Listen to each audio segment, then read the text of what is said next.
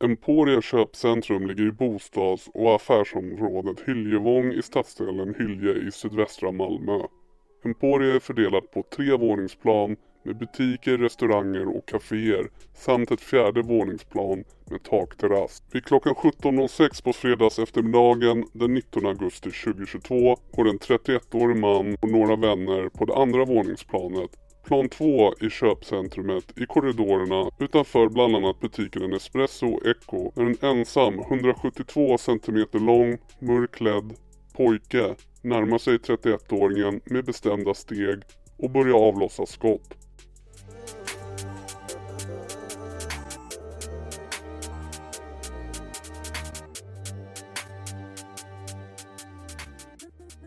31-åringen har tidigare under dagen besökt en rättegång där tre av hans vänner har åtalats för ett mordförsök i Bunkeflo där de anklagas för att ha skjutit från den bilen de färdades i mot en man som färdades i en annan bil. 31-åringen har en ledande roll inom det kriminella gänget som kallats Satudara Assassins och avdelningen under grupperingen tillhör MC-klubben och det kriminella gänget Satudara MC.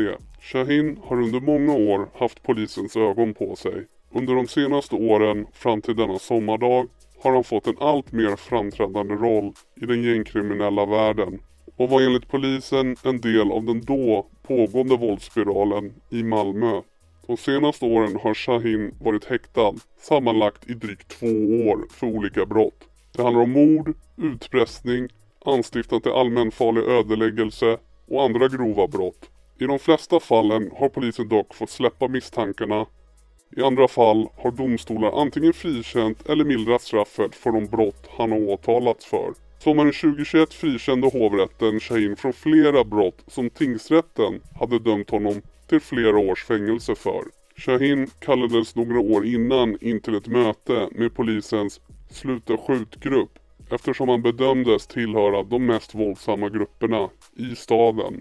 Polisens nationella operativa avdelning, NOA, har tidigare pekat ut Shahin som en person med en tongivande framtoning som kriminell gestalt. Enligt dem ingår han i ett kriminellt släktbaserat nätverk. Shahin har sedan en tid tillbaka levt med ett pris på sitt huvud. Tillbaka till den 19 augusti och morddagen. Gärningsmannen och målsägaren Shahin befann sig i korridoren framför butiken Espresso när gärningsmannen först avlossade fem skott, varav tre skott träffade Shahin i ryggen, perforerade hans kropp och fortsatte in i butiken Nespresso. Skador som från fem kulor kommer senare iakttas inne i butiken Nespresso. Kulorna har alltså avfyrats, gått in i Shahins kropp och ut och sen in i butiken Nespresso. Fullständigt kaos utbryter på platsen och i hela köpcentrumet och folk får panik och skriker och springer.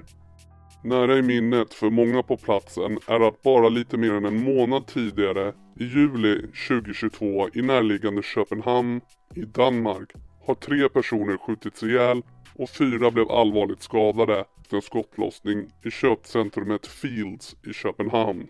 Något som bedömdes vara en terrorattack. Efter att Shahin träffades av minst tre kulor framför Nespresso förflyttade han sig blödande och springande i korridoren i riktning mot butiken Sara. I samband med att Shahin blödande förflyttade sig riktade gärningsmannen om pistolen och sköt ett sjätte skott som träffade skyltfönstret mellan Nespresso och Saras entré till herravdelningen. Vapenkulan splittrades och metall och kulfragment spreds i korridoren.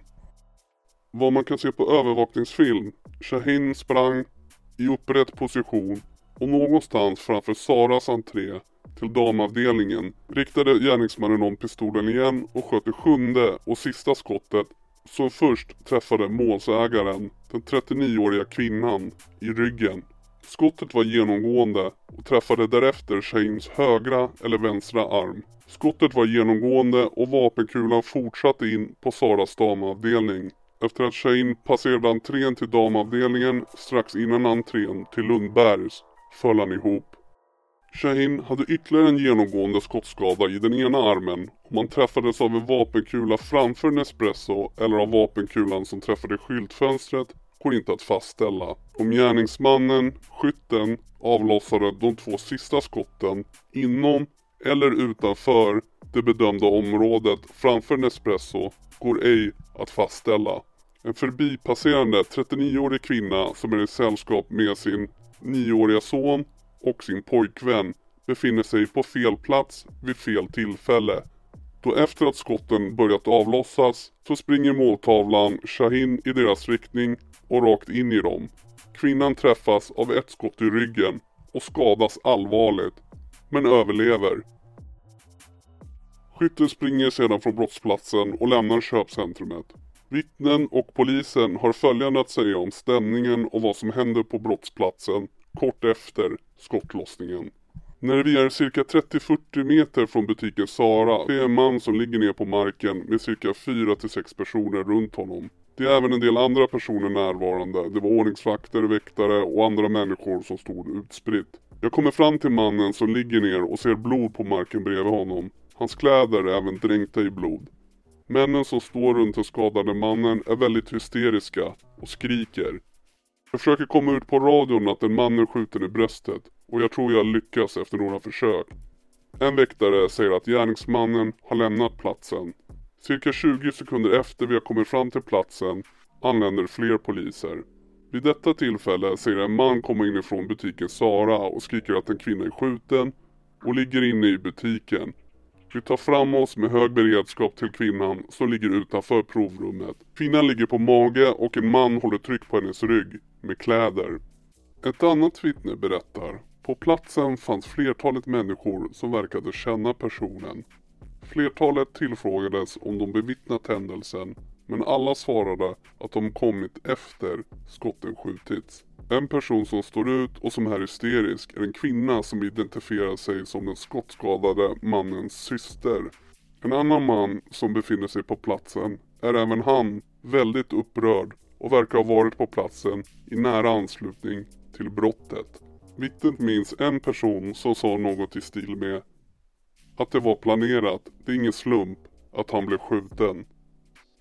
Vittnet kommer inte ihåg vem som sa det. Vittnet hörde även en kvinna som skrek men kommer inte ihåg vad kvinnan skrek.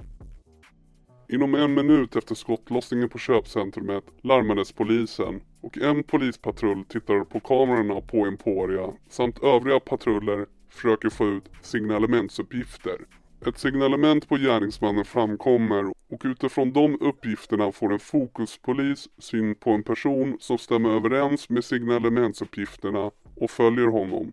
Personen, en ung man, går mot en taxi på Hyllie Vattenparks gata och då ingriper polisen. Personen har en pistol i byxlinningen och grips på plats. Så bara 20 minuter efter den brutala och hänsynslösa skjutningen i ett köpcentrum mitt på ljusa dagen har en misstänkt gärningsman gripits. Den misstänkte stämmer överens med bilden från övervakningskamerorna på Emporia på gärningsmannen som sköt.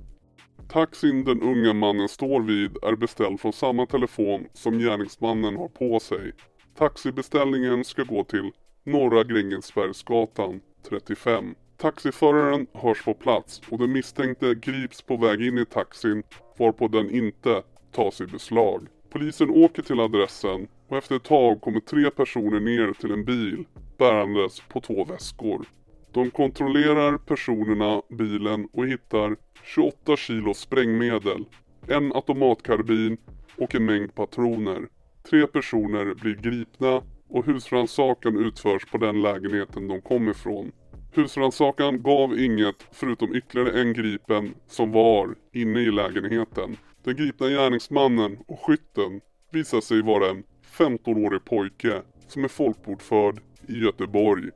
När han greps var han beväpnad med en pistol av märket CZ i kaliber 9 mm som kan ta upp till 15 skott i magasinet.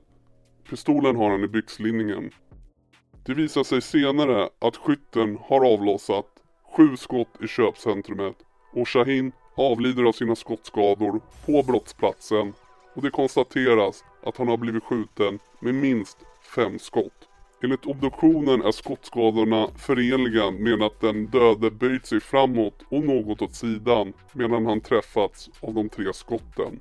Förmodligen att Shane satt ner på en bänk pratade med sina vänner och blev först skjuten bakifrån av skytten. Och om så var fallet har han först träffats av skottet med ingångshål benämnt B6.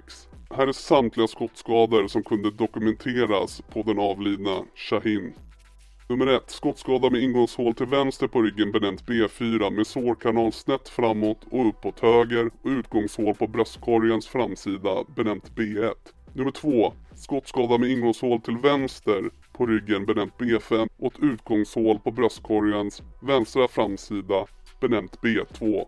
3. Skottskada med ingångshål till vänster på ryggen benämnt B6 och utgångshål på bröstkorgens vänstra framsida benämnt B3. 4. Skottskada med ingångshål på den högra armens sträcksida benämnt A1 och utgångshål på den högra underarmens böjsida benämnt A2. 5. Skottskada med ingångshål på den vänstra överarmens utsida benämnt A3 och utgångshål på den vänstra överarmens insida benämnt A4. Ute i korridoren under brottsplatsundersökningen mellan Echo och Nespresso anträffades sju tomhylsor. Tomhylsorna låg intill papperskorgen som var belägen cirka tre meter från Nespresso. Efter mordet i följande förhör säger den gripna och häktade 15-åringen att han var skytten och han erkänner mordet och mordförsöken. Pojken anses vara en inhyrd torped, utförare. Helt enkelt att han själv inte kände eller hade någon som helst koppling till dödsoffret Shahin. Vilket är väldigt vanligt i sån här typ av brutala mord gjorda av minderåriga. Då det är allmänt känt i den kriminella världen och överlag att minderåriga kan inte få hårda eller långa fängelsestraff. Pojken har nu hunnit fylla 16 år och han åtalas nu nästan ett år senare för ett mord och tre mordförsök, grovt vapenbrott och framkallande av fara för annan.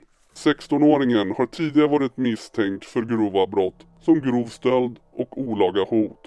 2021 beslutade förvaltningsrätten att den då 14-åriga pojken skulle tvångsvårdas. Han hade då rymt hemifrån flera gånger. Skola, sjukvård och polis har flera gånger gjort orosanmälningar om hans situation. Enligt skolan hade han vid upprepade tillfällen varit våldsam mot barn och vuxna. Han hade blivit inlagd på sjukhus på grund av att han hade tagit droger. Enligt en psykiatriker hade han drabbats av en drogutlös psykos. Hans droganvändande omfattar allt ifrån cannabis, benzo och tramadol. Efter skjutningen och utredningen som följer sitter ytterligare sju personer häktade för medhjälp till mordet på gängledaren Shahin. Förundersökningen mot de övriga misstänkta, där sju personer sitter häktade, pågår fortfarande och omfattas av förundersökningssekretess. Åklagarmyndigheten beräknar att kunna väcka åtal mot de inblandade under hösten. En av de häktade är en 27-årig man som är misstänkt för att anstiftat mordet. Enligt häktningsframställan ska mannen ha planerat mordet en och en halv månad innan skjutningen ägde rum. 27-åringen var en nära vän till den 31-åriga Shahin som mördades. Slut på del 1 om mordet på Emporia.